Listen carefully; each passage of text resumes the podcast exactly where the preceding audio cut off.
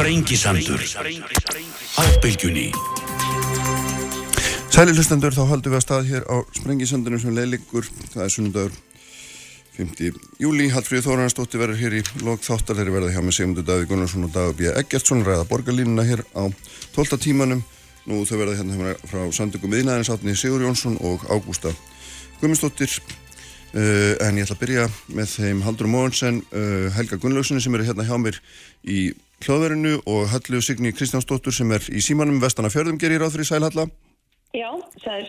Og verðið velkomin bæði Haldóra og Helgi, við ætlum að ræða hérna þetta frumvarp þitt og reynda fleiri hérna Haldóra um, um, um hérna um breytingar á fíknefnalögun sem gera verkum að það verður refsilust að eiga svo kallaða neysluskamt svona það sem er kallað til, til eigin nota og hérna uh, vakti nú miklu aðteglita frumvarpu þetta og síni sitt hverjum og, og svona með langrans kannski að reyna að setja þetta í eitthvað samhengi vegna þess að við erum auðvitað að sjá um það að hérna Uh, í aðra röndina þá, þá eru þetta svona fíknefni og fíknefna viðskipti og hvers konar framleysla og sal og dreifing, þetta er allt ólulegt og, mm -hmm. hérna, og er mikill bölvaldur í samfélaginu held ég mér sér ótt að segja við um heim en svo er, svo er einhver önnur viðor um skadamingun fyrir fíkla og svo framvís og segð mér að inn í hvað samhengi þú ert að, að hugsa þessa tillöguðina uh, Frummarpið um afnam refsinga og vörslu neyslu skamta výmenna mm -hmm. er náttúrulega hugsa til þess að það er búið að vera hérna ríkjandi, ríkja hér refsi stefna, mm. svo kallu alveg síðan að stríði gegn fíknefnum byrjaði og þetta er búið að refsi stefnan hér á Íslandi er búin að vera í yfir 40 ár. Og það hefur nú sínt sig bara með herrferðinni fíknefnalaust Ísland á sínum tíma. Mm. við erum langt frá því að vera fíknefnalaus og þessi refsi stefna er í raun og verið bara stríð, þetta er stríð gegn fólki. Mm -hmm og það er það sem þetta snýst um að við erum ekki ná neinum árangri. Og þegar við erum búin að vera að keira áfram stefni hérna í tíu ára og hún er að vinna gegn markmiðum stefninar og er að valda gríðarlegum bara skada á mannfalli út af því að döðsfell hérna vegna ofneyslu og vegna fíknefnuneyslu mm. eru frekar há með við nágrannlönd og hérna líffólks, uh, við erum að gera líffólks mjög erfitt sem að er tekið með og hefur verið tekið með neyslu skamta á sér og sektir og, og annað. Við erum að hérna, jaðarsetja fólk mm -hmm. og þetta hafa bara gríðilega neikvæð áhrif á samfélagið okkar. Mm -hmm. Þannig að þá er til ég sjálfsagt að við skoðum sérstaklega þann árangur hef, sem hefur verið í þeim löndum sem að hafa tekið upp svona uh, að gera neyslu, neyslu hérna refsilöysa mm -hmm hefur haft gríðarlega jákvæðan árangur og við höfum að skoða það og þá hugsa til þess að breytum stefnu hér á landi. -hmm. Hérna, Halla, hva, hva, hvert er þitt, þitt viðhorf?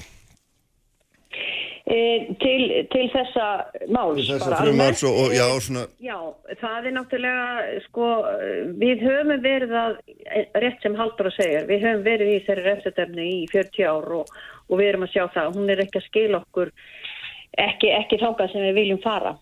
En hérna, enda hefur það verið, sko, það er til dæmis inn í stjórnarsáttmála á ríkistjórnarinnar að við þurfum að snúa þessari braut harðari refsinga og við höfum verið að fara í þá átt.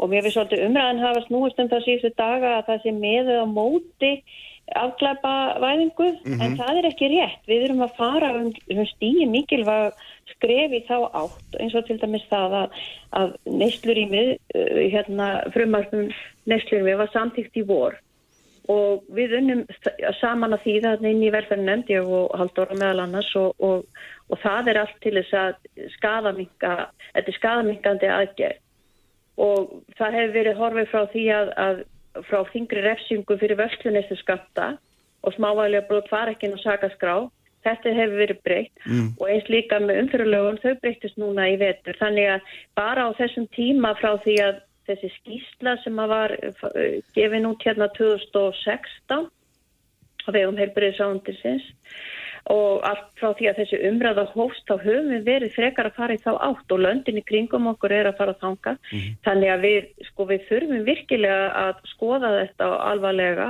En af hverju samþýttur þá ekki þetta frumvarp? Ef að hérna, með heiristu við prinsipinu vera bara sammálaðið eitthvað?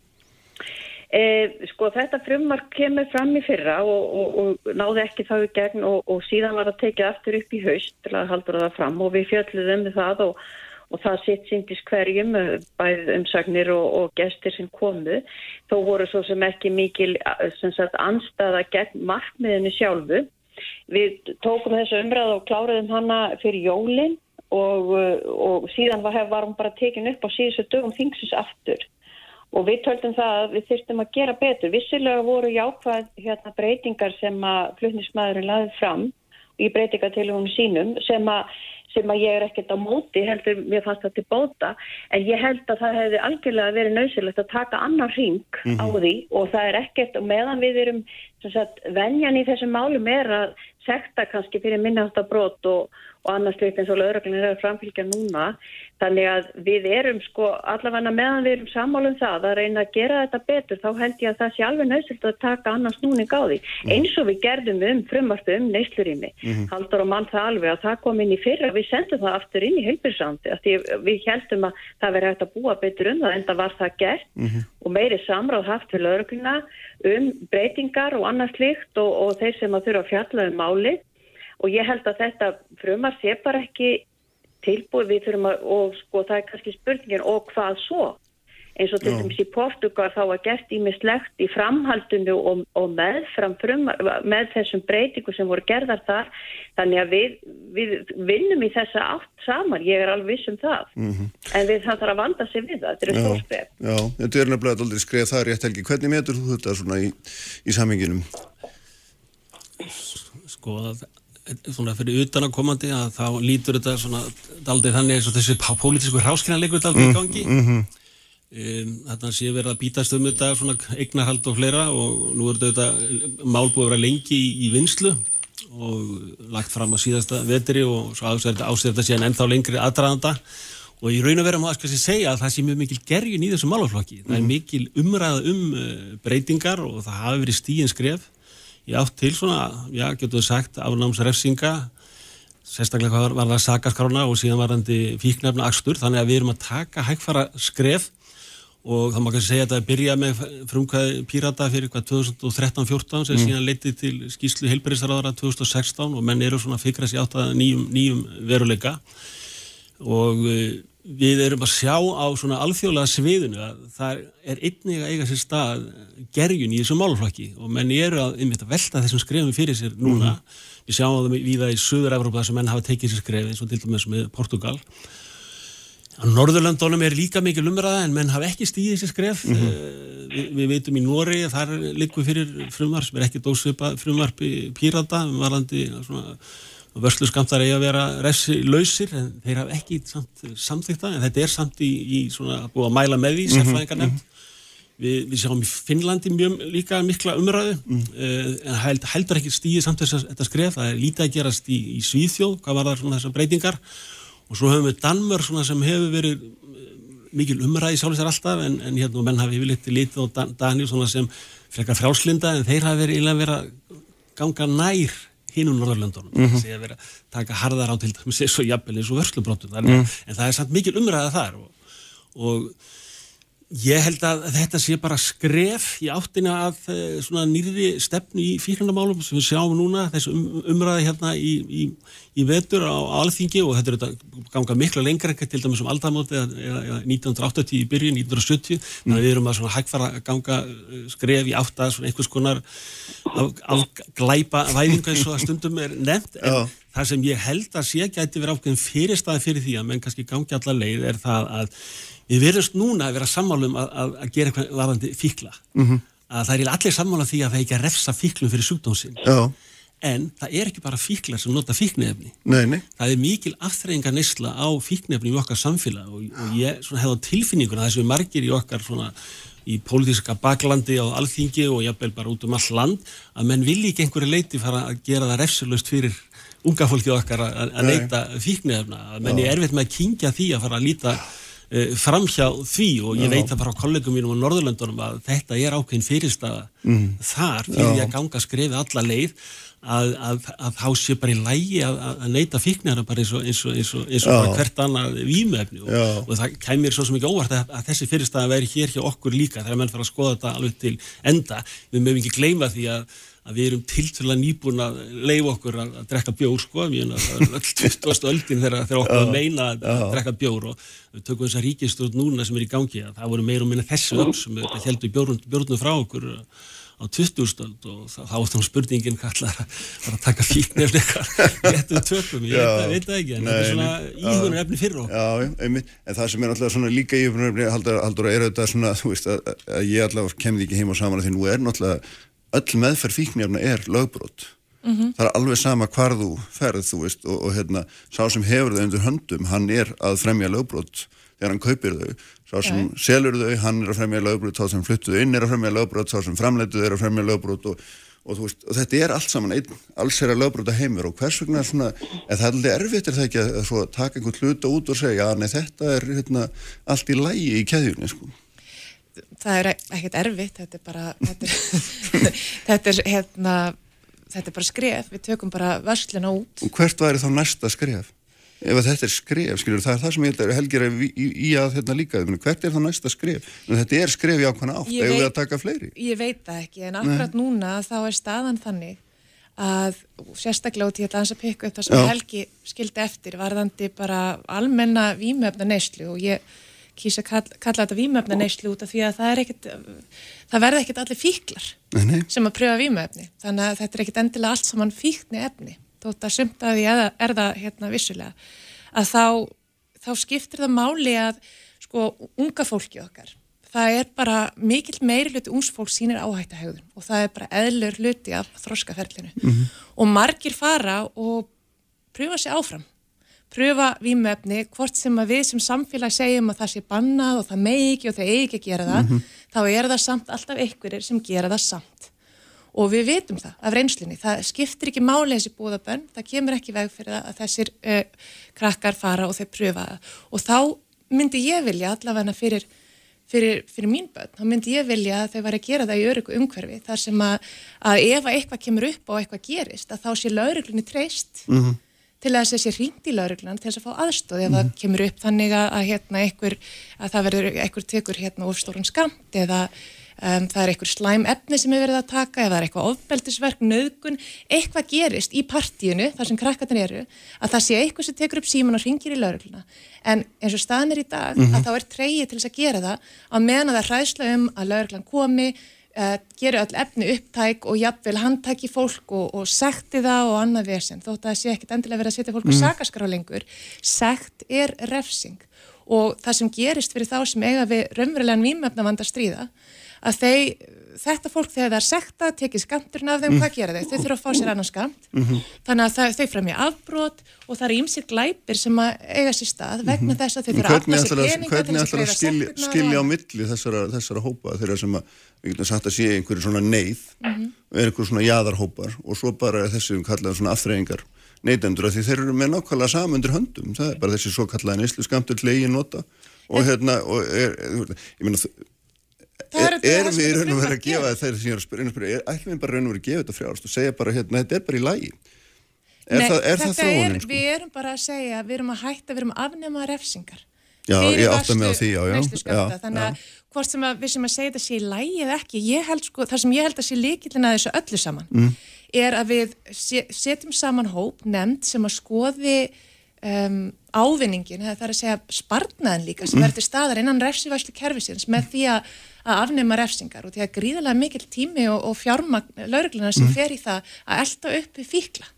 Uh, tökum þetta fjármagn og setjum það í, í forvarnastarf, verulega ebla forvarnir mm -hmm. og hérna úrræði fyrir fíkla að þá erum við komin á, á, á stað þar sem við sjáum hversu hérna, öflugt forvarnastarf getur verið hérna á Íslandi. Mm -hmm. Við hefum bara séð beinar afleggingar af því -hmm. og við hefum að halda þessu áfram og fara frekar þannan vingil bara í forvarnastarf, frekar heldur en að vera refsa fólki, við vitum að það virka miklu, miklu betur. Mm -hmm. Halla?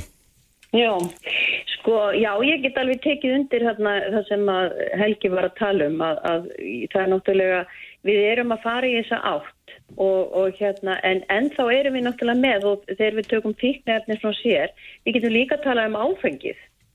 E, fólk deyr fólk uh, fremur aðbrott lögurglunar er allan daginn að, að fást við fólk sem er í áfengisnislu mm. E, til dæmis var breyting, einn breytingi sem var gerð sem að Halldóra laði fram að, að það var að, að taka, setja aldursmörk við 18 ára. Í dag er áfengi leifilegt fyrir 20 ára og eldri. Lörglun getur gert upptækt áfengi hjá 19 ára einstaklingi en það getur ekki, samkvæmt þessum breytingum og þessu frumarfi Halldóru, að þá má hann ekki taka á hann með hann finnur á, á skamt.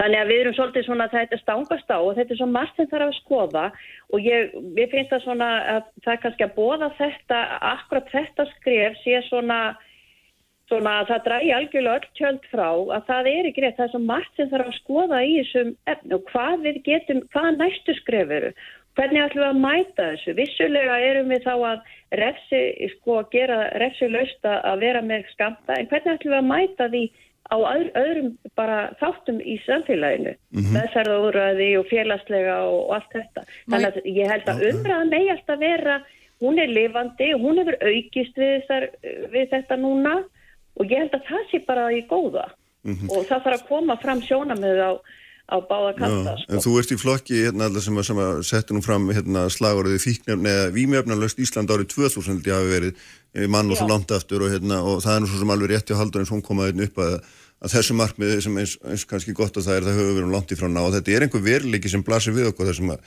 hérna, þessi efni, hvað, hvaða nafni sem þau nefnast og hversu sterk og áanabindandi sem þau eru, þau eru flæðand um allt og allan heimin og, og þetta er alltaf spurningu svona, ég minna Við náum því takmarki ekki, við höfum það löst en við getum allavega og höfum verið sko við hefum svo sem horfið alveg frá þeirri stefnu. Því miður, eða þess að því miður það er því miður næsta ekki en við getum, þá er það bara að snúa sér eitthvað öðru og ég tek undir það. Endur við að taka undir þessi hérna áform ríkisjórnarinn að, að fara að reyna þetta og ég held að við fylgjum því alveg mm. og gerum það.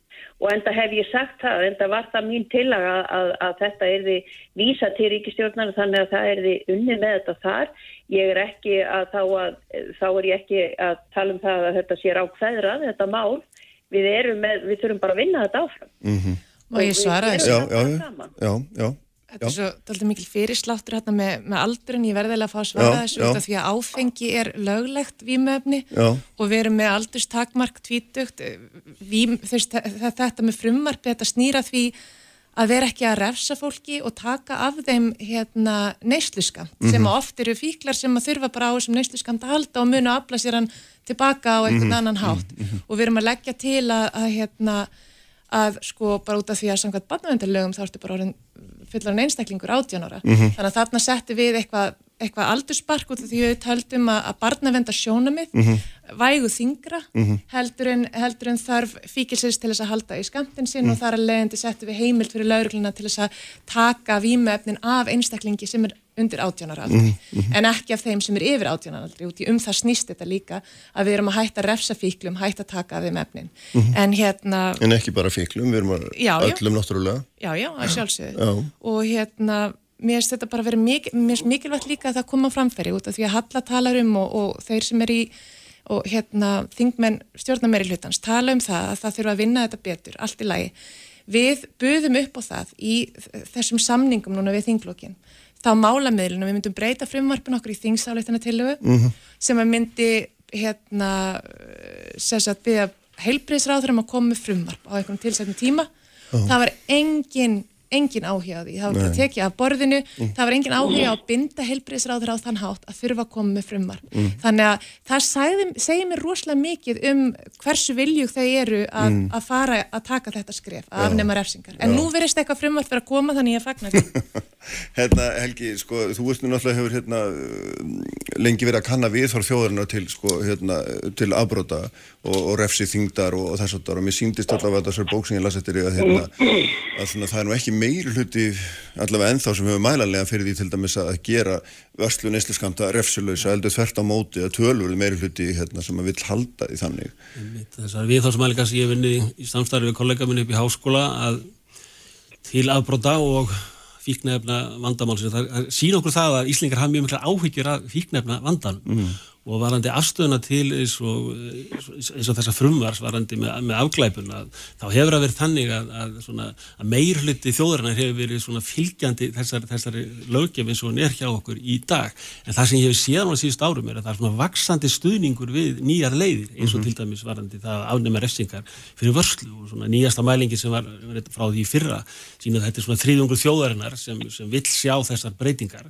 Og ef við skoðum hverjir það eru þá er þetta fyrst og meirluti ungsfólks undir 30 vill ganga þetta skref sem þetta frumvarp hérna geng, geng, gengur út á. Þannig að það er gerjun í þessum málaflokki og það er, það er umræða og það er svona vaksandi stuðningu við að leita nýra mm. leiða mm. og svona núna bara í síðasta mánu varum við mælingu varandi afstöðu til lögleðingar á kannabis og það var sama, það var svona 35% sem lísti sér fylgjandi því að, að, að löglega eh, kannabis. Mm. Ég hef ekki séð svona hátt hlutt all áður í, í sambarleiri mælingu hér á mm. landi. Að, og það er aftur líka, það er að unga fólki sem kallar á breytingar og það eru 63% 30 ára yngri sem kalluði eftir því að löglega kannabis hér, hér á landi. Þannig að við sjáum það mikil gerðin í þessu málaflokki, ekki mm. bara á alþingi, heldur líka meðal þjóðarnar. Mm. Við mennum að fara í gegnum þetta og það er svona vaksandi stuðningu við það að sjá nýja leiðir í í, í þessari baráttu. Og það sem ég myndi kannski vilja ræða í beinu framhald af þessu er það er varandi svona þessa eftirspurnar hlýð það er eina átt að setja aldrei á því hvað veldur þessari eftirspurn eftir þessum vímuefni því að við um löggjastli kerfum mikið í þessu frambásliðinu og haldleggja og taka efni og mm. fungir dómar og, og við erum núna með 40% fanga í, sem, sem sitt inni fyrir fíknulabrott og samt er markaðurinn alltaf jafn líflegur eins og alltaf. Þa, mm -hmm. það sér ekki högg á vatni. Þannig að ég held að við erum að fara að vinna þetta máltaldi í samstarfi kannski við borgarna í stað þess kannski að vera í þessu að koma þessu öll út í skúmaskotin þar sem engin neytanda vend er. Þannig að mm -hmm við verðum og í þessar umræðs og búin að vera alþingi og í samfélagin Þetta er skrítið hugtak um neytendavend við erum í grunninn að tala um vöru sem er algjörlega ólögmynd mm -hmm. og það er, svo, það er það sem að flækist fyrir mér sko, við, erum að, við erum að tala um viðskipti sem eru ólögmynd, ekki bara, við getum líka bara að tekið hérna frá sko skattalegu sjónamið og við bara viljum vera mjög svona smásmöguleg. og þetta er, þú veist ekkert hvað er þú veist ekkert hvað er í þessum efnum og við erum með háatíni döðsfalla hérna á Íslandi og, og vegna, vegna, vegna ofsköptunar og auðvitað er þetta bara vegna þess að menn viti kannski ekki alltaf hvað er með í höndunum mm. og við þurfum auðvitað að fara að taka á þessum eins og, eins og, eins og siðmættu þjóð og það, ég held líka að við horfum alltaf mikið á það að, En hvað þýðir þetta hjá þér að taka á þessu eins og siðmættu þjóð? Það er bara að horfast augum við það að það er stór hluti borgarna sem er að neyta þessar efna, er að kaupa þessi efni mm. er að versla með þessi efni en við, veginn, við horfum blinda einhvern á það mm. Þetta er sem er og að fólk. Þannig að við þurfum að fara að taka nýskref við getum séð alltaf þess með tópaksneislu þegar ég var alveg stöpuð þá var tópaki út um allt. Já. það var allir reykjandi, það þótti mér svo kúla að vera með síkaretu sko, það þykir það ekki lengur. Mm. þetta er meira og meina bara farið. Já. það er ekki vegna þess að við, við, við stofnum sérstaklega tópakstarna eða einhverja fíknefna tópaksdeil sko, það sem er vörslu skamtara síkaretu með refsing og sakaskrá. Nei, það er bara með svona samstilta átækja mm. á svona menningalum grundvelli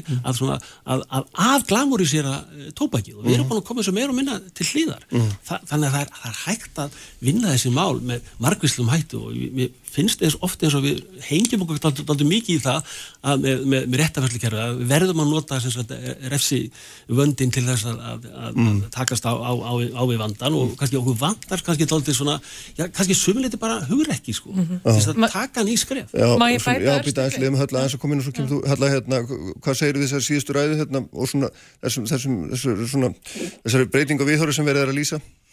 Já, já, það sem að, eins og hann var að tala um sko með reykingarnar og það er náttúrulega forvarnir og aftur forvarnir. Og í þessum uh, málaflokki eins og með fíknefni og áfengi þá er það náttúrulega forvarnir og aftur forvarnir. Við þurfum að kannski að horfa, við þurfum alltaf að taka upp nýja stefnir og við þurfum að horfa hvað er að gerast í kringum okkur og við þurfum alltaf að skoða hvað er best í þessum efni og ég held að það sé bara málið að við fylgjast vel með og, og, og vöndum okkur við hvert skref. Ég held að það sé það mikilvægast í þessu máli. Mm.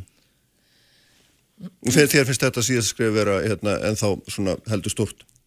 Mér finnst að vera svona kannski ekki alveg nógu vel útvært mm -hmm. og ég held að, að þetta er ekkit mál sem að er það, ekkit, það er ekki dáið á grafið en það er held ég þessu umræði hún er mjög lifandi mm. og það er einmislegt að gera þessum málum og, og ég tristi því að, að, að það verði frambóða bæði af frumverfum og þingsvöldantilugum og, og, og eins og haldur að tala um sko, þau hefðu verið tilbúið með eitthvað þingsálum til og við fengum aldrei þá þingsálum til og inn í velferðin til þess að fjalla um hana þar.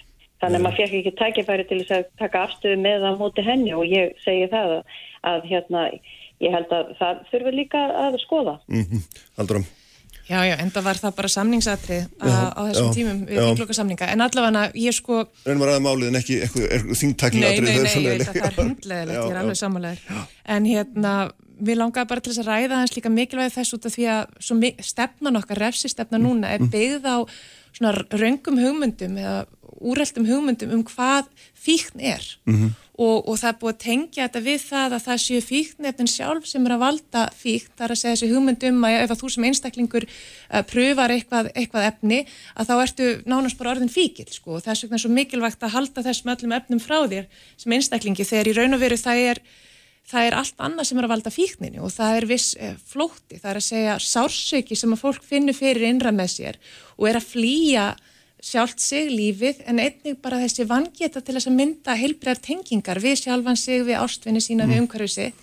Hvað gerum við sem samfélag? Við tökum þessi einstaklinga og við ræfsundum, hvort sem að sem er sagt eða öðru, að handtaka jæðarsetja þar að segja við erum að, að auka á, uh, mm. við erum bara að auka á hérna vanda þessa einstaklingar sem er að þegar að glýma við gríðarlega mikinn sársöka í lífinu sín. Mm -hmm. Þegar við ættum í raun og veru að vera að opna faðminn og taka þessi einstaklinga að okkur og hjálpa þeim að tengjast aftur. Þetta er svona það sem ég sé fyrir mér sem þetta gríðarlega stóru og miklu óréttleiti í því að vera að refsa þeim sem eru í neyslu út í oft er þetta fólk sem þarf mest á okkar aðstóð og, og umhyggju að halda og í staðinn þá eru veiktan í dæmi burtu og jáðasetja það. Mm. En, en, en, þetta, en þetta skref bara að tala um það að þetta sé illa útfært, þetta frumvar. Þetta snýst bara um að afnema refsingar á vörsli. Já, það er það eina sem þetta snýst um. Já, Halla, gerð svo vel. Já, þá langar það til að spurja Halldóru hvort hún sé ekki sátt og, og sammálum því að við séum að taka þessi skref og Ríkistjóðin hefur verið að gera það í núna undanfjöldnum árum með eins og til dæmis með neysluríminn og, og, og til dæmis að hverfa frá því að, að þingri refsingar sko fari ekki ná sakaskrá og umfæralögin og allt það, hvort þetta sé ekki skrefið þá aft mm. og hvort hún sé ekki sammálum það að við séum sammálum það að við séum að vinna okkur í þess aft auðvitað er ég sáttu það öll skref eru gríðarlega jákvæð en málið er við erum ennþá að refsa veiku fólki.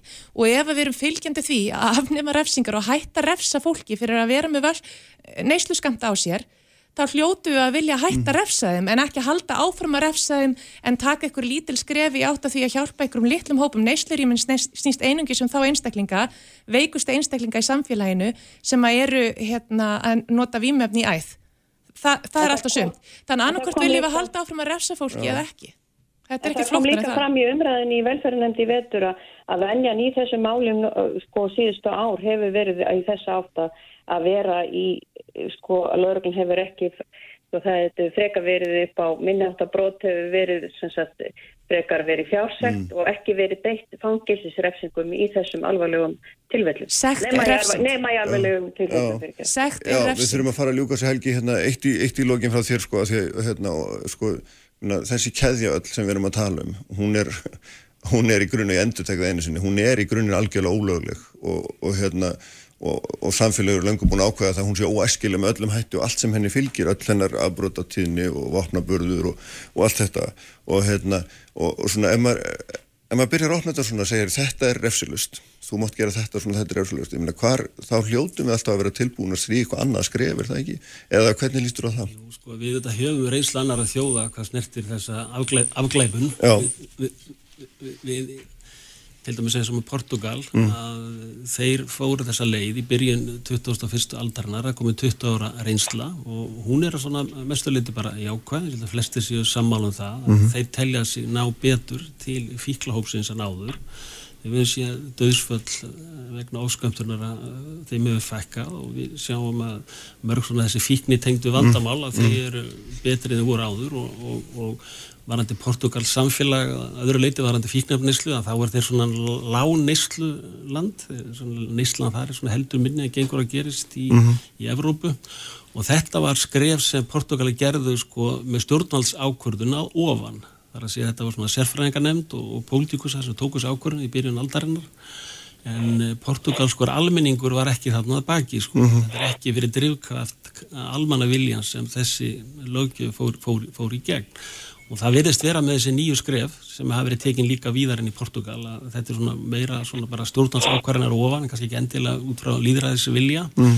eins og sjáum við þetta í bandarækjunum auðvitað þar er þetta fyrst og fremst þjóratkakareislur sem hafa gert það verkum að, að kannabis hefur gert löglegt í mörgum ríkjum bandarækjana og sama með Kanada en, en við höfum síðan þetta svona meira á sem ákvarðinar og ofan í, í, í Evrópu og þá svona meira í, í söður hluta Evrópu meira, meira enn í Norðurlöndum á Norðurlöndum og Norðurlöndum Norðurlöndin hafi ekki tekið þessi skref ef við hefum til dæmis samþygt frumarpið hérna núni í vor mm. að, að þá væri við raunverulega að stíga le, lengri skref en, en, en, en mm. vinur okkar og frændur á Norðurlöndunum hafa, hafa gert sko en það er þess samt þessu umræði gangi mm. í sérstaklega eins og Noregi mm. og, og í Finnland einhverju liti og, og svo í Danmörku líka einhverju marki en, en þeir hafa samt ekki tekið þess að skrif Nei. en það sem er bara kannski hánægilegt í þessu er að þessi málaflokkur er í umræðum og er í mikill í gerjun og menn eru svona tilbúinar en núna en oft áður að, að takast á henn að vanda bara eins og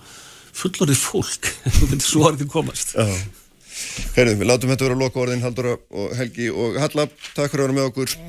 Held hérna áfram villi fjallum nýsköpun með þeim Alla Sigurjónssoni og Ágústu draugnablik Uppspretta frétta á Sprengisandi á bylgjunni. Sprengisandur á bylgjunni. Sælir aftur hlustendur, þau eru farin frá mér Helgi Gunnlúksson, Halla Signi Kristjánsdóttir og Haldur Móhensen Eigum von hér á eftir á Hallfríði Þónarsdóttur, Sigmund Daví Gunnarssoni D.I.B. Eggertsinni en nú ætla ég að fjalla hér aðeins um, um nýsköpun eða svona nýsköpun sem leið út úr þessari kreppu sem við erum í, þau eru sest hérna hjá mér Átni Sigurjónsson sem er nýkjörnum formadur samtakað innadarins og Ágústa Guðmundsdóttir sem er frumkvöðl og fyrirverandi prófessor við Háskóli Íslands. Uh, starfar hjá Simtek, heitir það ekki rétt hjá mér? Góða frambrönd? Simtek? Semtek Semtek, já, ok.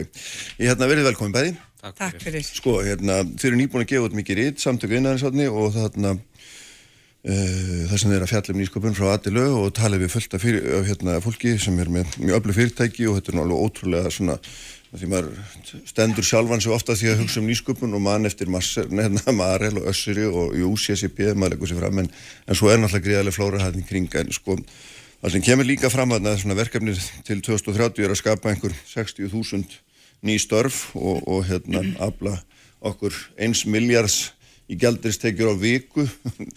Og nú erum við búin að missa þó nokkuð margra vikur um að skoða þrjá mánuð aftur í tíman, þannig að þetta er æri verkefni, minna, förum aðeins yfir það hvernig þið sjáu þetta, þetta. Raungerast þessi, þessi markmið ykkur. Já, okkur þótti í rauninni, við hefum ákvæðum sent á síðast ári að tilenga þessu árið 2020 árið uh, nýsköpuna. Mm -hmm og settum það að stað núna í, í, í byrjun ás uh, þá kom upp þessi hugmynd að sapna saman uh, broti úr, úr þessum fjölbreyttu gerum sem við eigum og, og, og hafa verið að vinna í nýsköpun. Að því að orðið nýsköpun hefur verið mikið notað. Mm, menn er tanta tilenga sér það og, og menn hugsuða á alls konar hátt og þá er þetta við um, um marga mismunandi hluti En þarna reyndum við að sapna saman og gera það svona daldið, ef við má sletta tannsubúla, mm, eða mm -hmm. getur fest hönd á því hvað, hvað, hvað, hvað við hefðum verið að gera í, í nýsköpunum málum á Íslandi. Mm. Og það hefði hægt að vera að gera mörg svona tímaritt eða, mhm. eða langa útgáfu, en, en þarna er, er hvað sé að, fjölbreytninni fyrir rúmi. Þetta er fólkur öllum geirum, báðum kynjum, á öllum aldri og fyrirtækin eru stór og lítil. Þannig að -hmm það fannst okkur mikilvægt að koma út í umræðina og, og leifa fólki að, að kynna sér hvað, hvað, hvað við verðum að gera ótrúlega magnaða hluti í nýskupun. Mm. En á sama hátt eins og segir, áskorunar eru, eru framöndan og við þurfum að skapa mikið af störfum hér á næstu árum og við höfum sagt að nýskupun sé í rauninni eina leiðin fyrir mm. okkur til, a, til að, að ná því markmiði. Já. Þannig að Uh, en það er auðvelt að koma einhvern svona frasa þetta er eina leiðin og hérna það sé að allir og ég spyr alltaf Sjó mig há. Þú, þú er heilt þetta frá, frá, frá fórustunarnum. Já, já, algjörlega. Öðrum í gegnum árin, sko. En, en að því við segjum eina leiðin, þá erum við ekki að tala um eitthvað eina leið, sko. Þetta er, Nei. við erum með, hérna, mikið af glæsilegum fyrirtækjum í landinu. Mm. Við erum með grunnatunum við eina, en við erum með líka með sprótana og allt þar á milli. Já.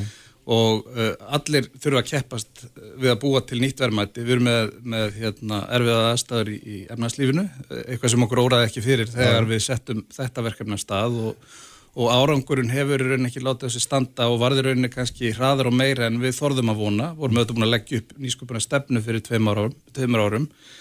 Um, mörgum að þeim markmiðum hefur nú þegar verið náð um, og við þurfum aðeins að endur skoða, sko, mm. kannski vorum við ekki nógu, aggressív í því en, en að því ástandið er svona mm. og, og samhljómurinn í þjóðfélaginu er þannig, uh, bæðið á þingi og, og annar staðar í, í þjóðfélaginu, þá þá hafa verið lögfæst hér, hér, lögfæstar hér aðgerir sem að munu já, valda miklu breytingum mm -hmm. og hefðu í raun átt að vera komnar til, til söguna fyrir mörgum árum segjum við mm -hmm. en er á meðan er og, og, og mm. hér stöndu við og við þurfum að, að hóra til framtíðar Ágúst, þú kemur úr háskólaumhverfinu ert hérna uh, í fyrirtæki sem byggir á svona lífræði eða hvað kallaða það Já, svona líftækni Já, líftækni, já. já Hvernig horfið þú á þetta? Þú ert búin að vera tölvöld lengi að já, og hérna ég, marga fjörina sopi í þessum fræðum Já, já, já, já, já.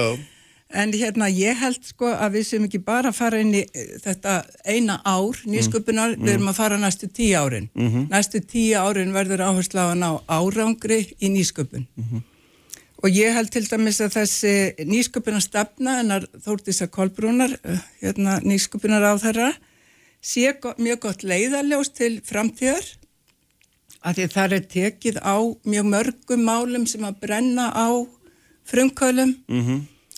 og þarna erum við að tala um fjármagn, við erum að tala um endugreislu, rannsókn og þróunar starfs, við erum að tala um kríuna sem að fjárfestir í þessum svo kallu vísisjóðum Já, þar sem að frumkvölar geta fengið uh, fjármagn mm -hmm. með því að láta gefa eftir hluta af hlutafér sem sagt já, já.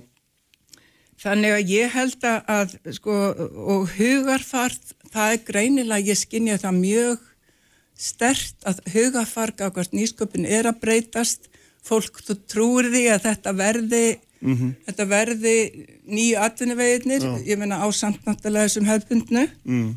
En ef ég hef spurt því að þessu fyrir 10-20 árum, hvað hefur, og með núna reynslur sem þú hefur, hvað, hvað er það sem að, til dæmis, Það er náttúrulega, sko, fjármagn, það er miklu auðvildar að fá fjármagn til rannsóknar núna. Já.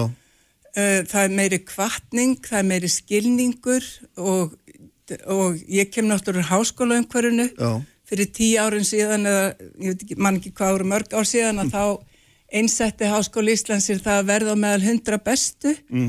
og uh, það þóttu nú mörgum ansi fjarrri því að það gæti tekist en nú hefur mjög góður árangur náðst sem sagt, við erum kannski ekki endilega alveg, það eru vissar deildir sem eru miklu framar heldur en aðrar, mm. en við höfum farið upp mörg hundru stygg sko, í, í þessu og ég held að við getum alveg gert það sama í nýsköpunu. Vi, mm. Við segjum bara að við ætlum að verða á meðal 50 bestu eftir 10 ári eða þú veist og, og þetta, það gerir það verkum þegar svona stefnaði sett. Þetta var í tíð Kristínar Ingólstóttur mm -hmm að það fer, neginn, fer miklu meiri fókus á þetta atriði og í, inn í þessum til dæmis uh, vísum sem eru teknið til greina varðandi það að komast á lista yfir hundra best yfir að tala um háskóluna Já. þá er það jú bæði, það eru náttúrulega rannsóknir, það er stofninir að fyrirtækja, það eru engaleiði og þetta hefur allt gerst þannig að ég held að jarðvegurinn núna mm. sem við erum að ganga inn í jarðvegurinn fyrir það að við getum náða árangri á mm. mörgum sviðum. Ég held að hann hafi verið skapaði svolítið á allavega síðustu tíu árum. Já, já. Þannig að ég held þetta verði allt svona, við verðum, sko, við förum hraðar að markinu, mm -hmm. þú veist, í sambandi við, og það er auðvitað fjölbreytt hérna flóra af nýsköpunarfyrirtangi bæði já. sem eru núna í einhverju ferli og sem að síðan koma inn og Þannig að mm. ég held að við getum alveg sett okkur þetta mark að verða innan 10 ára meðal 30 bestu, 50 bestu eða einhverstað þar. Uh. Þá held ég að verði miklu meiri fókus. Mm, mm.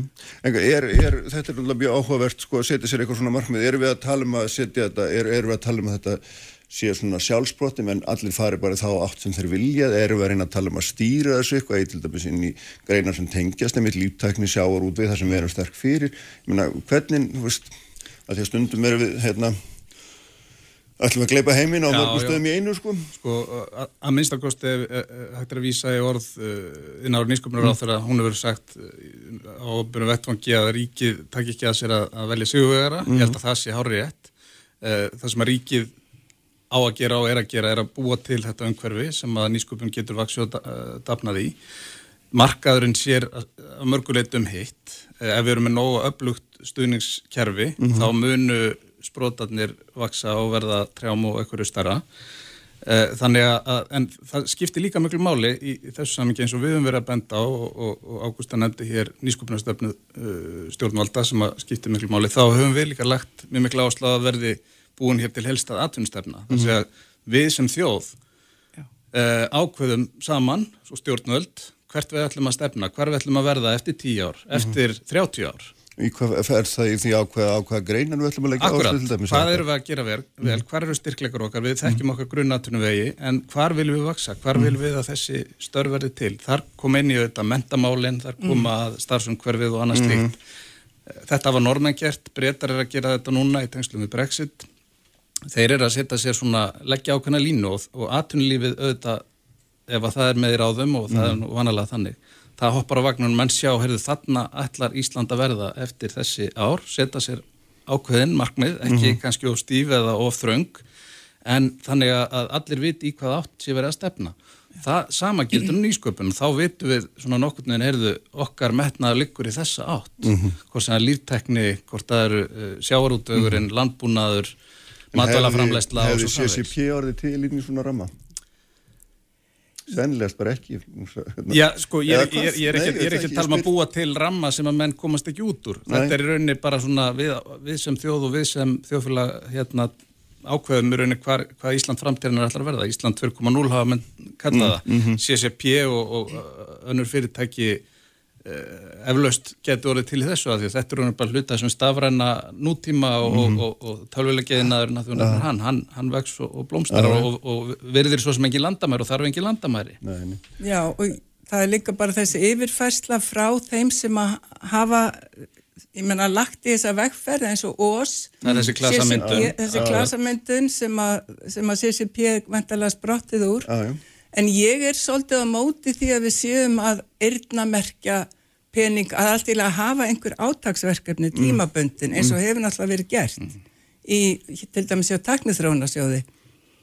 En ég held að við eigum að, hafa samt frelsi í þessu að því við vitum aldrei mm. hvar góðu fyrirtæki verða til. Nei, nei, nei, Þannig að ég held að við höfum að vera til til að opina en að, að sjálfsögðu munu við vera með þessa hefðbundni aðtunavegi, sjávarútveg, landbúnað, ég meina hluta því er náttúrulega gardirkja og fiskaldi. Mm, já, já, já. Og það er ekki dóðurlegt að nýsköpun verði mjög mikið til í tengslum við nærumhverfið. Og þetta er um hluti sem við þekkjum. Og, og að því Ágústa kemur frá Sæmtek og er að vinna með þorskin og enzímið og þorskinum Marel kemur úr, úr svona svipari átt þetta eru ólíkir sprótar eða ólík fyrirtæki en, en, en leiða eitthvað en að mm. sama upp það sem er alltaf hérna, áhugavert í viðtælum við þjágúrsta er, er, er hérna, það sem þú ert að segja frá samskiptunum eða samstarfi við, við, við sænst fyrirtæki sem að kipti ykkur í raun og veru og hérna að því að það er líka ef maður fyrir að skoða fréttir þá sjáum við að sko, við höfum mist mörg nýsköpunum fyrirtæki úr landi á síðustu mm -hmm. árum getur maður orðað að þannig eða Já. þegar verið seldar hugmyndirnar eða, Já, eða varan verið seld úr landi og, og hérna og það er náttúrulega eitt er sem er háir okkur er ekki, er ekki bara fjármagnir, heldur það líka mannfjöldin, það þarf okkur hendur líka fólk já, með okkur þekkingur hvernig sérðu þetta? Já, mér finnst þetta hafa verið mjög mikið gæfa fyrir okkur í mm. rauninni mm. vegna þess að við fáum þarna þekkingu sem við höfðum ekki og það hraðar náttúrulega ferlunu mm -hmm. að árangri það, það er engin stund Við fengum þekkingu frá þessu fyrirtæki Við fengum já. þekkingu sem var akkurat í markasetningu, skráningum mm -hmm. og öllu þessu sem okkur vantaði og ég held einmitt að það þurfa að koma innslík hugsun á miklu á fyrri stegum sko að því að maður fattar ofta ekki hvað maður vantar fyrir að maður fær það sem maður þurft á að halda já, já. þannig að þetta hefur reynst okkur mjög vel og það verður náttúrulega alltaf til hér á landi. Við erum náttúrulega að nota hérna eh, sló mm. sem hann, hefur annars verið henn eða fleikt og viljum gætna að, að það standa okkur til bóða áfram náttúrulega. En sko, öll þessi þekking, við erum náttúrulega meira ansóknir og þróun hérna og öll svo þekking sem að við höfum meira ráða, hún nýtist alveg út á markaðin mm -hmm. og jáfnveil þegar vara er komin út á markaðin, þá koma fyrirspurnir og það eru bara við sem getum svara því að við erum með alla grunnþækinguna. Já. Þannig að rannsóknir og þróun og ensým framleysla verða alltaf hér á landi. Mm -hmm. Og ég held að við hefum ekkit að vera feimi við það því við erum góði í rauninni eins og ég segja þannig greininni á fyrirstegum nýsköpunar og ég held að við hefum áfram að vera góð þar. Mm -hmm en, en að, að leita tækifærum sem getur eld okkur og hraða því að við náum árangri. Mm. Sem er þá í samstarfi við aðra þjóðir. Samstarfi við ellend aðila og það er ekkit að því í rauninu vegna þess að þessi, þessi verkefni, eða þessi, já, segja, þessi verkefni sem við erum að vinna að, mm. þau eru það stór. Við erum náttúrulega að stefna á alltjóðamarkað og oft þarf fleiri neitt aðila til að koma veru á alltjóðamarkað. Þannig að að ég held að það sé ekki verra að leita út fyrir landsteinana, við erum mm. alltaf með hluta og mjög mikilvægan hluta, við meðum ekki gleyma því að rannsókn og trónarlutin er mjög mikilvægur á öllum stegum nýsköpuninnar. Já, en svo er þetta líka þannig að þegar fyrirtækina ákveðin stærð þá koma inn fjárfæstar mm -hmm. og eðli fjárfæsta er jú að selja? Jú, jú. Og það, þeir eru hérna og, og ég minna CCP er dæmið það, það er selgt til hérna, var ekki Hong Kong eða Suðkórea Suðkórea var það, já, akkurat. Og hérna, ég meina og eftir sittur hún samt fyrirtæki hér og fólki vinn og allt það en, en svona, ég veit ekki, kannski er bara eitthvað bullur að tala um eignarhald og svona hlutum. Ég, en þetta skiptir samt vantilega einhverju máli að, að hérna Þetta skiptir gríðarlega máli. að fyrirtækin halda áfram að vera, ef við ætlum að vera að tellja okkur sem einhverja bestu, þá verður fyrirtækin að vera hér í einhverjum skilningi allavega, er það ekki? Það, það, það þarf að vera hagur eigenda fyrirtækisins að, að, að halda starfsemi hér, að mm. einhverju leiti eins og Ágústa benda á og við meðum verðum að horfa stjóðu það sko. Ef að í þessum tilugum kemur kannski ekki inn ellend fjármagn eða ellend egnarhald mm. þá er hægt á að fyrirtæki kannski bara lognist út af. Hvort. Er nú, er nú skára Já, einmitt, nákvæmlega. eh, Svo lengi sem að, það, það er líka það sem ég var að minnast á vandi og við þurfum að búa til þetta umhverfi þar að segja bæðivalandi engar lefi og annars líkt að við búum þannig um nútana að, að starfsumhverfið engar lefi annars líkt geti verið hér á Ísland og menn sé á sér hagið að vera hér á Íslandi halda störfum og bú, búa til nýstörf mm. óháð eignarhaldinu Þa, það, það þarf að vera þannig en þessi, öll þessi fyrirtæki þurfa fjármakt til að geta vaksið og dafnað og það eru svo mörg stig í þessu ferli mm. eins og Ágústa var að nefna hér áðan að það er, og það er bent á það í, í, í þó nokkur stöðum í, í ryttinu, það er þessar hindranir sko, það er ekki bara það að ná sér í í styrkina upphálega eða, eða koma hugmyndin á legg heldur er að þegar mann fari í sölu og markastarf mm -hmm. og sérstaklega sápóstur eru þetta mjög eh, dýr og getur einst mörgum erfiður. Þeir eru kannski með frábæra hugmynd mm. en hún er náttúrulega ekkit frábæra ef þú kemur henni ekki á framfæri. Nei. Þannig að það býr til virði og, og það gerir eh, fyrirtæknum kleift að, að vaksa út afna. Þannig að það skiptir mjög miklu máli. Mm, mm. Og svo líka annað sko að við erum náttúrulega þjálfa líka framtíðar starfsmenn annar fyrirtæki alveg eins sko. Veit, þeir sem eru með okkur í þessari nýsköpun, þeir kannski setna meir stopna mm. sín eigin fyrirtæki og þannig að það, þetta er svo, svo margþætt. Mm. Sko í rauninu margþættur hagur sem kemur út af því og það er náttúrulega mjög gaman fyrir þá sem er að vinna að sjá fyrirtækið stækka sjá fyrirtækið stækka og vaksa og dafna mm. í staðan fyrir að maður sé alltaf hérna í bara með óleina um hálsin fyrir næsta fjármagni sko. það já. er náttúrulega rosalega erfitt já, sko. en svona, svona því að sko, fjármagsumhverju í Íslandi hefur kannski ekki verið mjög jákvæmt ég veit ekki allavega svona framöndi síðust ára þetta eru bankar ekki þess að ellis að þeir láni nýskupinu fyrirtækjum þeir trúa náttúrulega veð og og eitthvað svona fjármarstreymi sem þeir vilja geta hýrt ef ef að illa fyrir og, og nýsköpun hendar nú ekki kannski fyrir þá og þá er alltaf mikilvægt að síða aðra leiðir og, og hérna eins og þú segið eitthvað svona sérstakki sjóðir ekki sem að það þarf að jú, leggja mikið fyrir í. Jú, jú, jú, það, það, það er náttúrulega bankarnir eru mjög hrætti við nýsköpunarfyrirtæki það hefur maður fundið fyrir sko mm. og það er kannski eðlilegt.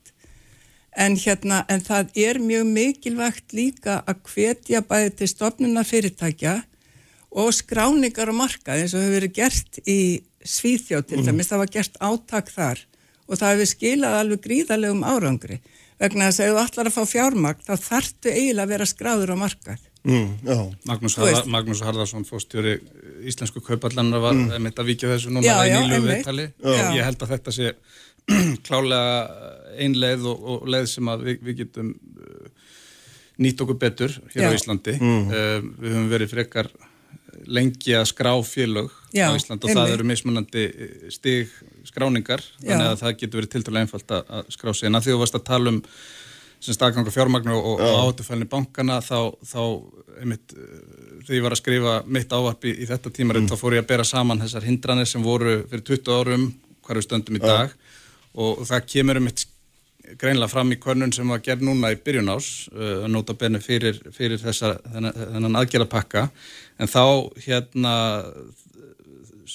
var, voru niðurstöðnar að svarendur sögðu í rauninni þeir voru almennt jákvæðir fram til nýsköpunar í Íslandi og þetta voru sem sagt uh, þáttakendur sem koma miklu meir hluta úr litlum nýsköpunarfyrirtækjum. Mm. um, en þeir töldu að fjármagnarkerfið staði nýsköpunarfyrirtækjum fyrir þrifum. Það var erfitt á fjármagnarfyrirtækin og, og bankaþjónustan á Íslandi hendaði illa, mjög illa fyrir nýsköpunarfyrirtæki. Mm. og það, það kannski er mitt að því við tölum áhættufælni og, og þessi, þessi, þessi hefðbunna nálgun varandi veð og, og eignarhald og hvernig, hvernig var það að veðsita húsi sitt mörgu sinnum ég, ég veit að það veri gerðar tilraunir í íslensku böngunum til að, að, að taka þennan geira eða nýsköpunar geira mm. aðeins út fyrir sviga en, en menn dragast í rauninni mjög oft aftur inn í gamla goða ramman já, já og, og svo viðlettin er að hennu góða ég hef trú að við, við hérna, sjáum ákveðna breytingar mm. í þessu en, mm. en, en aðgangur af fjármagnir þarf að batna og, og það þarf ákveðna breytingar í þessu ár. Ég veit til dæmis að, að sko það er mjög mikið að, að mörg nýskupuna fyrirtæki sem eru bara lítil, bara 7-10 mann sem eru skráð á sænska markaðin og, og það hefur verið sínt fram að það að það er alveg stór ekst hjá þeim möguleikin á að. Ná árangri og, og, hérna, og fá fjármagn. Það mm. er bara og ég held að þetta, ég hef einmitt heyrt þá í, í sko hérna, ræða þetta. Þess, Magnús og Já, tölum já, rétt í, rétt í lokin hérna um bara árum í ljúkum eins og langum að tala um fólka því að við erum fá og við þurfum að hérna og það er þetta sérst í, í bæði í, hérna, í þessum eins og Alvotekko og náttúrulega Díkót þegar það var, var hétt hérna, ja, hétt það og, og það kom náttúrulega urmulla fólki elendisfrátt til þess að vinna hér Já. og það er svona frólitt ákvæmst að þú kannski hérna myndir hugsaði með mér sko, hvað þurfum við að gera til þess að laða til okkar fólk með þekkingu sem við getum eða sem getur nýst okkur í þessum bransæmi Já, mér sínist nú að það hef ekkit verið erfitt fyrir bæði íslenska erðagreiningu og mm. alvotek og alvogen, nú er ég bara að tala um þetta líftekni, lífisynda erðavísinda svið sko, mm. ég held að það sé ekkit mjög uh, sko, ég, hafa, þeim hefur allavega tekist, það er sjálfsagt launin að einhver leiti sem skiptir máli og kannski þurfa hérna, fyrirtækinu að vera komin á eitthvað stig þannig að þau getur greitt uh, góð laun mm. en við fáum fyrirspurnir ellendis frá, frá alls konar fólki sem hefur áhuga að koma til okkar í störf oh. þannig að ég held að, að ég er ekkit vissum að það sé eitthvað mikið vandamál Nei. að laða hingað en þetta fólk auðvitað líka veitir þekkingu út í samfélagið og út í nýsköpunageiran og, og hérna þannig að við erum alltaf að þjálfa upp fólk til að takast á við nýsköpun mm. og ég held að við höfum gert það undan farin áratug mjög vel og höfum náttúrulega útskrifað fjöldan allan að doktorsnefnum sem, sem að líka skiptir máli að því að þeir eru mjög góð tengiliður við innæðin oh.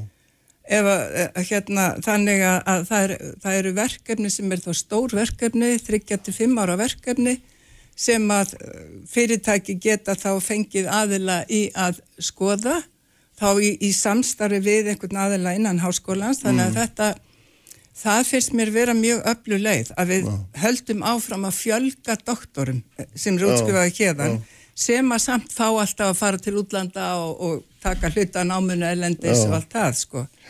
Ég heyr að þetta eru svona, það eru fjölmargar hlýðar sem þarf að, þarf að horfa til. Hérna, við þurfum að segja hérna aminu eftir efninu, fleira koma á stað eins og gengur. Já.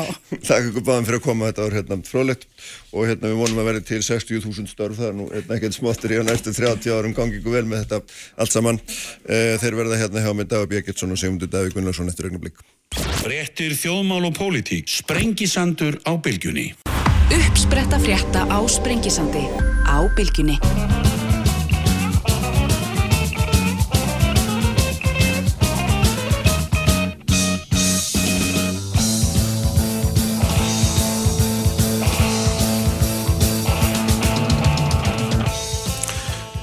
Sælir aftur hlustendur, um, þau eru farin frá mér Átni Sigur Jónsson og Ágústa Guðmundsdóttir, Hallriður Þóraðarsdóttir verður hér í lokþáttarfjallum þá um hlutskipti erlendra verkamanna á Íslandi samkvæmt rannsóknum sem hún hefur gert uh, í gegnum tíðin á því. Uh, en þeir eru komið tímin Dagabí Eggertsson borgastjóri sem er hérna í hljóðverinu og Simundur Daví Gunnlaugsson sem er einhverstaðar á Snælfnessun ef ég mann rétt, er það ekki Simundur? Fælströnd í Dalasíslu Já, já, já, fyrir göðum Já, sæl og bless. Og hérna Uh, mér langaði að hérna, fá eitthvað til að skiptast á skoðunum um þetta fyrirbriði borgarlínum.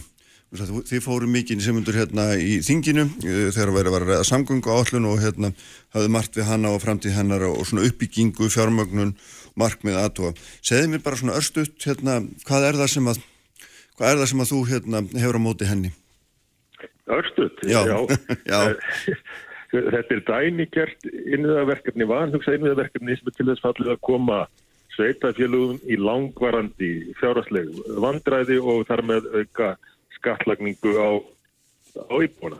En markmið með þessu öllu, eða afleiðingina minnst að kosti, er svo að þrengja að annari umferð og þar með láta fólk borga meira, langt flesta, borga meira fyrir að sitja lengur fastir í umferðinni. Þetta er fyrirkomulag sem að er all algengt í, í fjölmennum þjættbílum borgum, sérstaklega í mið- og söður Ameríku en engan veginn með að við aðstæður hér í Reykjavík. Reykjavík er bara allt annars. Og á þetta hafa nú fleiri en við bent meðan að Þórun Hjaltásson umferðarverkvæðingur sem að hefur skrifað um þetta og, og útskýrt mjög vel að það sé hægt að fara miklu hagkamari leiðir við það að bæta almenningssamgöngur á höfuborgarsvæðinu. Mm. Svo er, er það kostnaðurinn, hann er algjörlega verið styrir í lausulofti, það verið enginn vita hvað þetta muni kosta framkvæmdinn, menn slá fram einhverjum tölum 70-80 miljardar og miða þá við einhvað, einhvað kílometraverð úr erlendum borgum. En í þeim dæmum hefur þessi kostnæðaráallun yðurlega farið markvallt fram úr áallun og orðið fræg dæmi um um vandraðaverkefni e, til að mynda í, í Edinborg sem var nú eitt af eitt af fordamunum. Þar er borgarlínan í held e, áleika löng og bara fyrsti áfangin hérna í, á höfuborgarsvæðinu. E, en, en það sem vest er þó að öllu að það liggur ekki fyrir ekstra áallun. Mm -hmm. Það er ótrúlegt að ríkið og sveitafélag sé að fara í fjárfest á 10 miljardar sem verða líklega 100, 100 miljardar króna án þess að líki fyrir ekstra orðin, hvað munir kosta að reyka þetta. Mm. Við veitum þó að það verður ekki tvöfaldstrætisvagnarkerfi og, og gamla kerfið verður dýrara þegar borgarlínu komið. Verður dýrara en það er núna. Það kerfi hefur gengið erfilega að reyka og, og með að gjöld kannski eitt triði af ekstra tekjum strætó menn að hitt hefur verið stuðningu skattgreðanda. Þannig að sákostnaðar eikst, svo bætist allir kostnaðin við borgarlínuna ofan á. Mm -hmm. Það er að fara miklu skynsamlegri og hafðmæri leið við að bæta samgöngur á höfum. Já, Dagur, hérna, svaraði nú þessu kostnaður framkvæmt. Já, ég já, þetta er bara, hérna, bara lögmættir á í gjör, ég meina, það er, sko, talaðum í frumarspinu um, um stofnun, hérna, OHF-sins, að, að kostnaði getur orðið 120 miljardar. Það er að segja að hérna, ríki komið með 45 og, og, og sveitafjörðan leggir fram 15 og svo verðist vera hérna, afnóta gjöldin eða not, notkunnar skatturinn vera, annað eins, er 60 miljardar. Allavega verður þess að tölur nefndar þarna. Þannig þetta er ekki smæðrenga smá upphæðir. Já, samgöngu sáttmálinni hild eru 120 mm. miljard, mm. miljardar. Mm. Þar að veru 50 í borgarlínu, 50 í stoppröðir og afgangurinn er í uh, stígakerfi, uh, ljósastýringar og svo framvegs. Þetta er hildar hugsun um samgöngumál höfuborgarsvæðisins í hild og fæðist ekki á eftirmittegi eða út úr yngu heldur fóru sveitafélurinn á höfuborgarsvæðinu stóru hluta í samvinnum við vegagerðina í valkostakreiningu fyrir allt nokkrum árum.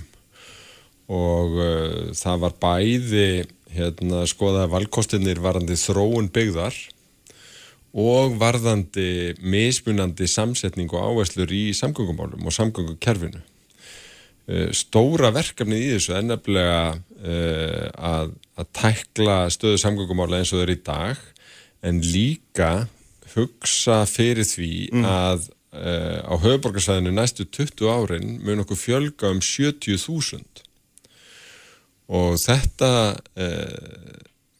fólk þarf auðvitað að búa einhver staðar og það hvar við veljum nýjum íbúðum og uppbyggingu stað og það hvernig við leysum samgöngumálinn, það hefur ekki bara áhrif á þá sem er að bæta sérna við, heldur okkur sem búum hérna fyrir. Og þess vegna var stilt upp mismunandi hérna, leiðum í þessu og lagst yfir það þvert á sveitafélög, þvert á pólitík, þvert á flokka með hérna, besta hugviti og, og ráðgjöf sem við áttum til hér innanlands úr hópi sérfræðinga og, og þessi trösti grunnur og þessi í raun svolítið blandaða leið með borgarlínu, með e, stoppvegafrængandum en, en ekki síður helstaðu hjóla stíganetti og svo framvegis nýtur stuðning svona margra þvert á flokka og, og það var nú miðflokkurinn einn á þingi á endanum sem að hérna var svona í einhvers konar anstöðu við þetta. Uh, og ástæðin er svo að þetta er betra fyrir alla sem ætla sér að ferðast þér í umferðin ekki bara þá sem vilja almenni samgöngur, ekki bara fyrir þá sem vilja hjóla heldur líka fyrir þá sem ætla sér bara til framtíðar að, að ferðast einir í bíl. Er þetta ofinn tekki? Nei, sannlega ekki. Eh, ekki frekar en aðra fjárfestingar. En það gleymist óbóstlega ofta nefna það sem að samt er á margra vitorði að valkosturinn að halda áfram á brautinni sem var mörguð upp úr 1960 reyna að leysa umferðamálinn með því að fjárfesta bara í hérna stoppbrautum og, og hérna alla umferð með engabíl, það hefði e, þýtt miklu meiri tafir í umferðinni miklu meiri kostnað og minni hagkvæmni.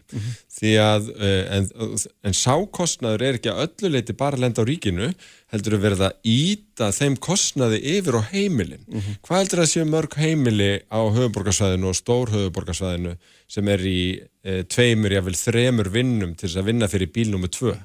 Ég minna það, það var sumir bent á það að, að það er e, eitthvað svona mesta kjarabót sem að uh, þú getur fært vennilugu fólki að vera með uh, gott og lipurt umferðar og samgöngukerfi og, og það er það sem fælst í framtíðasínum um samgöngusáttmálan og, og hérna þessari frábæru niðurstöðu sem að náðist hérna í vetur og, og núna síðast á þingi. Já, sem er, þarf ekki, er ekki rétt hjá degi að það þarf að reikna kostnaðin af óbreyttu kerfi eða með svo stu framlegging og óbreyttu kerfi versus, versus þessar nýju hugmyndir.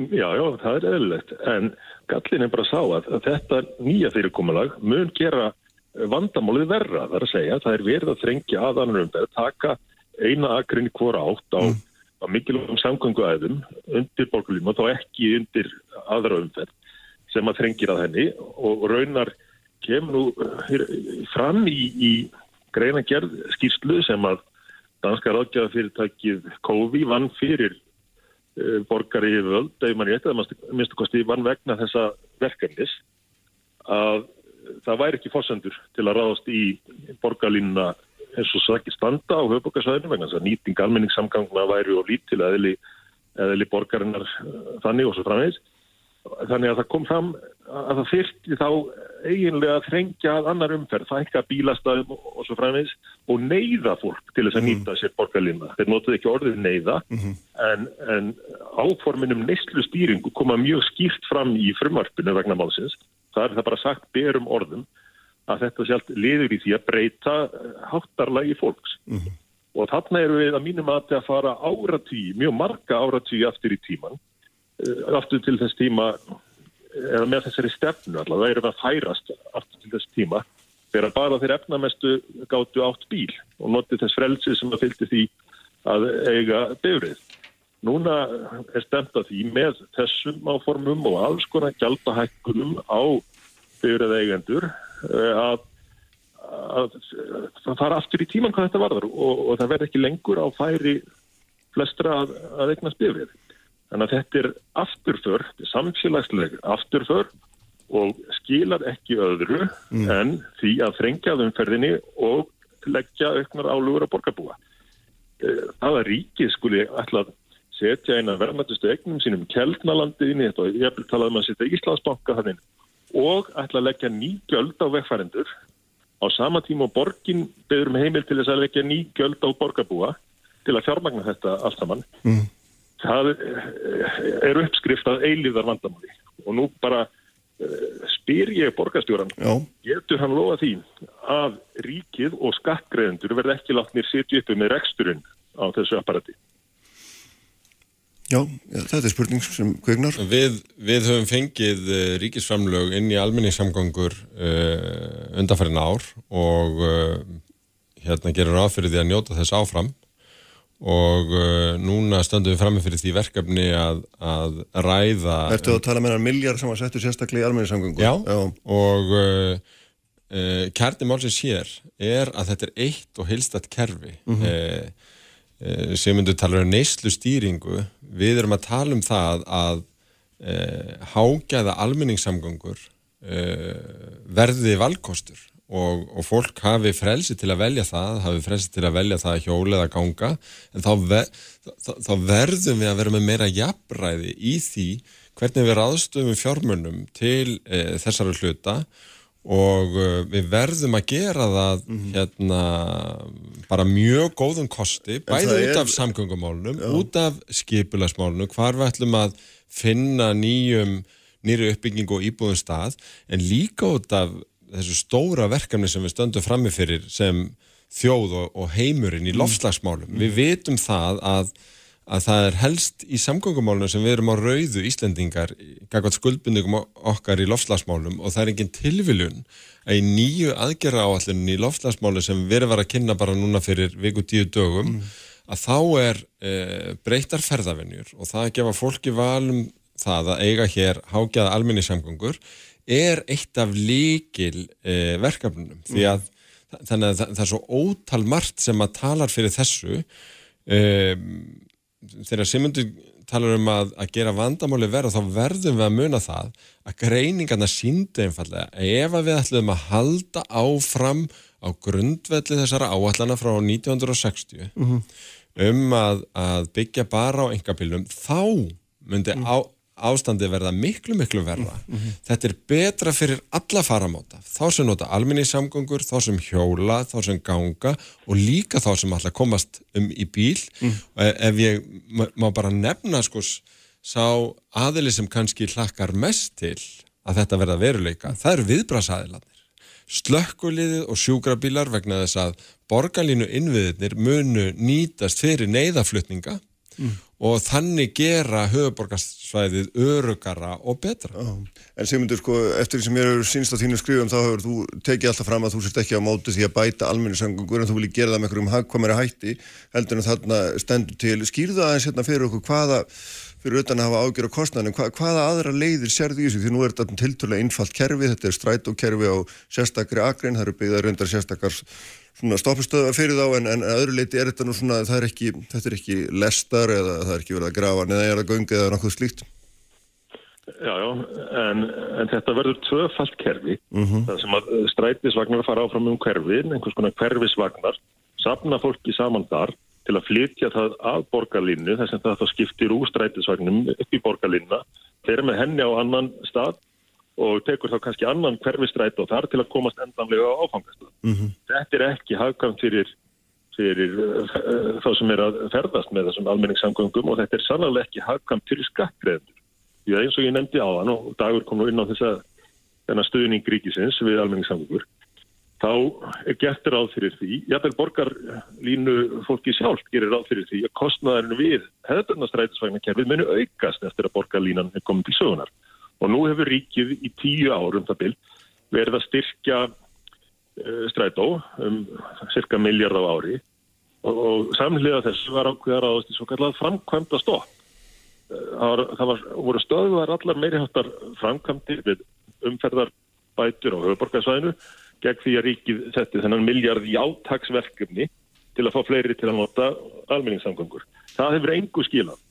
Eh, Það var 4% nýtingalhutfall þegar þetta byrjaði og það er ennþá um það bil 4%. Jæfnvel þó að sé farið að jæfnvel telja fleiri ferðir að því að menn fyrir að skipta oftar um magn. Þannig að þetta skilja engur. Mm -hmm. Það gerir ríkið þá? Jú, það ákveður að, að þýrvirðist að framlengja uh, um 12 ár núna uh, þessum stuðningi við verkefni sem hefur ekki gengið upp í 10 ár og setja svo allt þetta fjármagn í að byggja nýtt kerfi ofan á þetta mm. uh, sem er eins og ég segi algjörlega óljóst hvað minni kosta og fullkomlega óljóst uh, hvað minni kosta að reka mm. þannig að minn fara bara að staði þetta og ætla svo að, að, að sjá til en, en viti til þegar að mennur byrjaðir þá verður sagt í ríkið því að við erum komin af stað, við erum búin að fjárfyrst í þessu þannig að þið verður bara að halda áfram að borga mm. og það verður þá göld á vegfærandir hér inn í já, langa framtíð að minnstakosti eh, fyrst fyrir að byggja þetta og svo fyrir að reka það.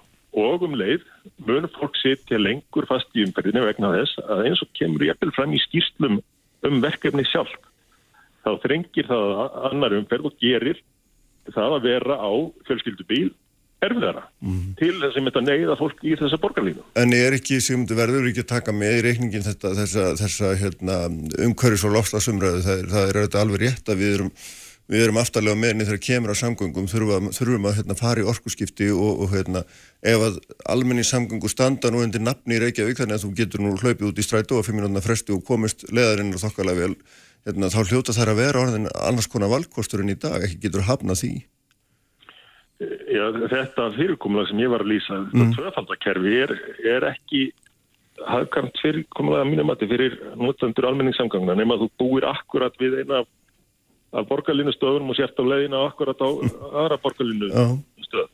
En til þess að, að fjölga þeim sem að gætu fyrir tilviljun og verið í þeim aðstæðum að vera að fara á milli borgarlínu stöða, þá þarf gríðarlega langt og umfangsmikið borgarlínu kerfi uh, miklu starra heldur en í mörgum öðrum þjættbíli borgum, þar sem að rekstur svona kervis er hagkamari. Uh, ég nefndi hér á andæmið um Edinborg sem var frækt í Breitlandi því að það talðist endalust og fór langt, langt fram á kostnæðar áallum. Það er áleika langt og bara fyrsti áfangin að borgarlinni hér á höfuborgarsvæðinu.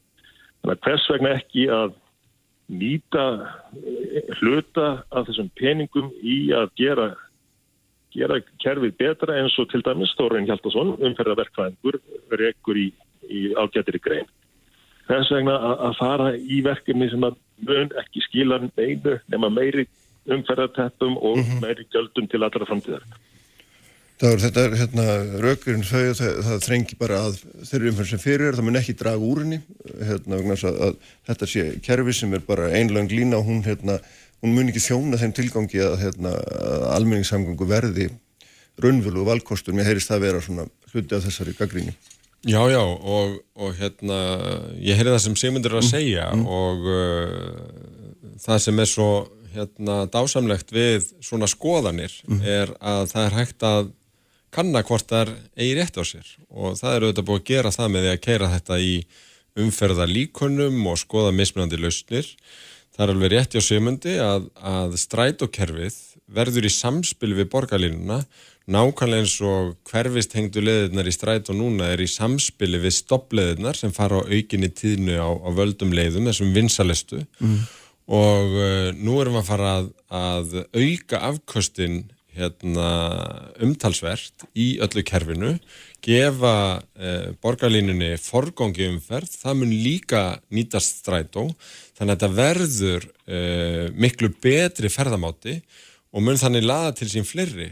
Uh, við, við erum ekki nefnum reik með þar hvar fólk býr á höfuborgarsvæðinu, það likur fyrir núna. Mm -hmm. þannig að við erum búin að taka það inn í með í reikningin og borgarlina mun ná til mjög stórs hluta fólks á höfuborgarsvæðinu uh, og, og þegar það byggist upp enn frekar í öðrum áfanga til ennþá fleiri eh, og síðan með því að velja nýri uppbyggingu í stað nálagt stöðvonum að, að þá erum við með hildar hugsun, við erum með mm. framtíðar sín, við erum með plan sem gengur upp og það er svolítið magnað að hlusta á Sigmund sem að, ég minna, talaði marga klukkutíma á, á samt félagun sínum í miðfloknum um þetta án þess að leggja fram neina raukstuta valkosti. Mm -hmm. Þetta er raun alveg ótrúlegt að að eh, já, þetta var orðin svo þunnur grautur þannig restina að, að þeir voru svona eitthvað að spjalla saman hverjum annan og, og tala um það að enginn vissi hvað þetta væri. Mm.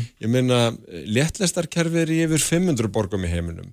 Eh, borgarlínukerfi er í tæplega 200 borgum í heiminum. Þetta eru þöll reyndir hlutir, það er að reikna mikið að þessu út og, og stilla upp þessum valkostum og, og, og það eru þetta ástæðan fyrir því að þetta nýtur svona breyðstuðnings þvert á flokka. Mm -hmm. Það er ekki þannig að, að hérna, allir á Íslandi séu eldheiti stuðningsmenn almenningssamgána en þegar er búið að fara yfir þetta, greina þetta og það sést að valkostum með öfluri almenningssamgöngum er ekki bara betra fyrir þá sem alltaf nota þær, heldur líka þá sem alltaf keirum á bíl, mm. að, að, að sko, þá er ekkert skrítið að, að hérna, anstaðan sé ekki meir en þessi. Mm -hmm. En hver er eru valkostinu sem undur?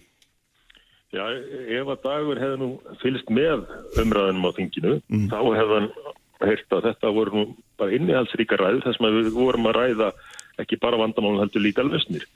Til að mynda, hefði það skipt sköpum ef mann hefði bara ráðist í sundabraut, losað um aðra flöskuhálsa í umferðinu á höfuborgarsvæðinu, verkefni sem hafa beðið í meirinn tíu ár, sem áratugum saman, eh, spyrt nýjan landsbítala á keldum í staðin fyrir að selja það land til að fjármagna borgarlínu og ráðist í ljósastýringu sem getur skipt sköpum í þessu. En þar kemur borgarlínan líka inn sem tröflun því að hún á að hafa forgang á öllum ljósum sem gerir það ómögulegt að, að samstilla ljósakerfið að öðru leiti fyrir umferðina til að láta það virka og, og stjórna flæðinu betur.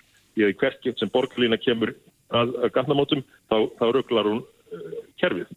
Leðis að uh, bara það að gera málið ekki verra væri strax, strax gott mm. en, en það eru svo fjölmörgverkefni sem að myndu hjálpa til og myndu laga þetta ástand og hafa beðið allt og lengi meðal annars út af þessu áratugar langar framkvæmda stoppi sem ég nefndi á hann, alveg ótrúlegt uppáttæki að, að setja miljardí strætt ári gegn því að uh, fara í framkvæmda stopp. Nú verið stríkið vera að, að greiða lausnagjald til að fá að fara í þessa framkvæmdi sem hafa beðið og, það í formi þessara borgarlíku. Mm. Það á eftir að reynast mjög dýrt til mjög langs tíma.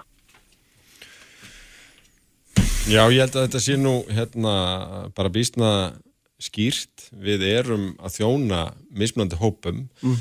Eh, Einar skótgröfunum í umræðinu er kannski svo að, að það stundur tala eins að fólk sé annarkort gangandi eða annarkort hjólandi eða annarkort í strætu eða annarkort á bíl. Lang flestir eru stundum að nota mm -hmm. eitt og, og, og stundum annað. Um, hérna, það, er sem, það er ekki rétt hjá Simundi að uh, hlutfall ferða með stræt og síðan þó 4% það er komið í 6% þá erum við að tala um allar ferði líka stutta skreppitúru út í búð og svo framvegis. En, en við skulum ekki gleyma því það eru 36% það eru 36% íbúa í Reykjavík sem eru með strætókort eða áskrifti gegnum appið. Mm -hmm. það eru mjög margir sem að nota strætó eitthvað til dæmis til og frá vinnu og, og ég bara byrð fólk að hugsa þessum hvernig væri það ef strætó væri ekki á háanatímum. 30% þeirra sem faru miklu bröð á háanatíma er í strætó. Mm -hmm. það ber ekki mikið á því vegna þess að það taka svo miklu miklu minna plássheldur um bílarnir. Og, og það eru auðvitað það sem við erum að nota okkur þegar að hérna, borgarlína og almin, öflugar alminningssangungur er annars vegar þetta er miklu hagkamara fyrir borgir. Þetta er miklu hagkamara fyrir byggðina þetta er betra fyrir umhverfið og þetta er reyndar eh, miklu betra fyrir bara heimilisbókaldið og, og hérna rekstrakostnað meðal heimilis. Þannig að, að, að, að þess vegna eh, förum við bara glöðinn í, í sumarið eftir mm. þessa niðurstuðu alþingis og, og þennan mikilvega samningum samgöngusáttmála fyrir höfuborgarsvæðið og, og ég hlaka til að vinna áfram á málun mm -hmm. Sigmundur, hérna, við verðum að hvað sér þau, fyrir ekki að þú getur að tekja 20 sek Almennum skilningur af því að fólki að, að borgin er að reyka strætisvagnakerfi. Ég nýtti mér strætisvagnakerfi alltaf á, á framhaldsskóla og háskólaórunum ég hef búið í borgum elendis saknaðis aldrei að ekki bíl þar. En það voru allt annars konar borgir. Mm. Reykjavík er eh, eins og hún er og það þarf að taka, þarf að taka mið af því þegar mann skipilega sig annars fá menn fyrirkomulega sem verður verða fyrir alla, þar með talið þá sem að nýta sér alvegsamgöngur og dýrara svo sannarlega fyrir alla.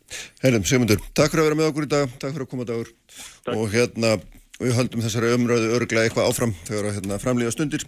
Uh, Hallfríð Þóraðarsdóttir verður hérna hjá mér eftir egna blikku. Kraftmikil umræða alla sunnundasmórna. Sprengisandur á bylgjunni. Sælir afturstendur, þeir eru farin frá með Sigmundur Davík Gunnarsson og Dagur Bjækilsson.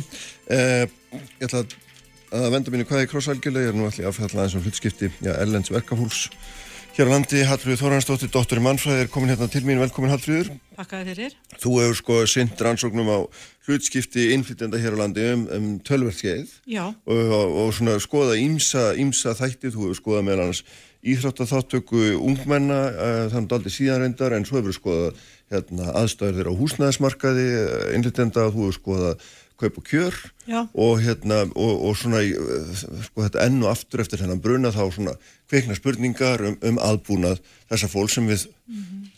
viljum laða til okkar og þurfum som nöðsynlega á að halda og hefur raun og verið eins og þú bendir ná í nýri skýslum um ferðarþjónustuna þetta verið grunnurinn í velgengn okkar á svo mörgum litu undan færðin ári já, já, já. já. Þú ert búin að vinna þessu lengi, er, er, er við eitthvað að lagast? Hvernig... Nei, það sem að enginn er náttúrulega innflinda landi í Ísland er það í fyrsta lagi og það er kannski verður þetta að halda því til haga. Þetta gerst alveg svakalega hrætt hérna. Mm. Þess að það er nánast enginn innflindur, ósalega einslegt samfélag og svo bara bingo, það bara þýtur upp. Á 20 árum hefur innflindu fjölga hérna jafn mikið og gerst á 50 ár mellendis. Mm. Og það er kannski viðbúið að sé ykkur í vakstaverkir og svona sem að en það sem er keirir ánfram sko innflytjaströym til Íslands er, eru hinn margum töluðu hjólatinlýsins mm. og það er alltaf verið að smyrja þau og það er farið hér í framkvæmdur og við náttúrulega sko hérna mannapsfrekar framkvæmdur og svo framveginsbygginga innarinn þandisast nút fyrir hrun og, og allt það og við sjáum alveg sko bylgjurnar af innflytjum koma inn í, í samræmi við þessar hagsveiblur mm -hmm. það sem ég gleymist eins og er algjörlega og það er hver, e, sko, hver rannsókn eftir aðra sem bæði ég hef gert og aðrir hafa gert sem að, að kannski íta undir eða íta undir það og, og sérstaklega ætla ég bara að vera hérna e, ómyrk í máli með það, bara mm. tala um hlutina eins og þeir eru og það er það að það er eins og sé ekki gert ráð fyrir því að þessi fólk Mm -hmm. Það er að segja, fólk þarf húsnæði Já. þá allmest engin hugsun þar mm -hmm. að þegar koma týjir þúsunda manns til Íslands að það þurfi að standa að við sem hérna gerstgjafar þurfum að standa að klára því að það sé húsnæði fyrir þetta fólk mm -hmm. það var ekki gert enda legumarkarinn á Íslands al, í algjörum hérna, þannig bara eins og vilda vestur og hefur verið í ára týji mhm.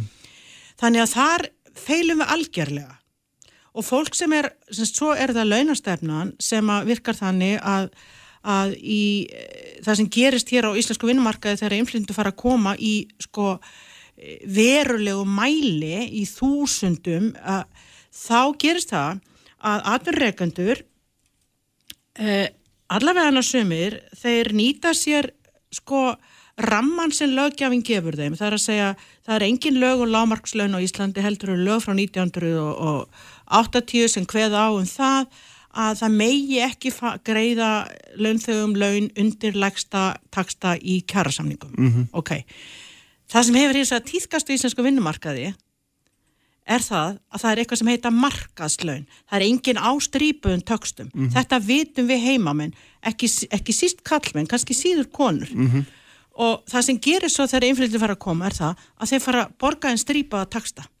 Þannig að þeir eru í raun og veru á ásalega lágun launum og svo hefur það gerst ítrykkað eins og stjættaflögin hafa benta og ég hef hérna verið að segja líka í þessum skýrslu sem ég hef verið að gera eða rannsóks sem ég hef verið að gera að það er verið að hlunfara þá, hægra og vinstri. Mm -hmm. Það eru svo kvöldi félagsli undirbóð, það sem er borgað undir samningum og það er náttúrulega bara kjara samningsbrot það er verið að hérna, láta að vinna vaktavinnu og, og sem að borga um einhvern jafnakaup, það eru sjálfbóðalegri vinnu, það er alls konar hérna eh, alls konar undan skot hjá atvinnureikandum sem mm. ekki er fyllt eftir. Og það er það sem að hefur, sko, þegar maður fyrir að skoða það vantar það svo gött átt þessi lög. Og það er til dæmis eins og varandi einan bruna, ég gerir húsnæðisrannsókur í nokkrum ára síðan. No.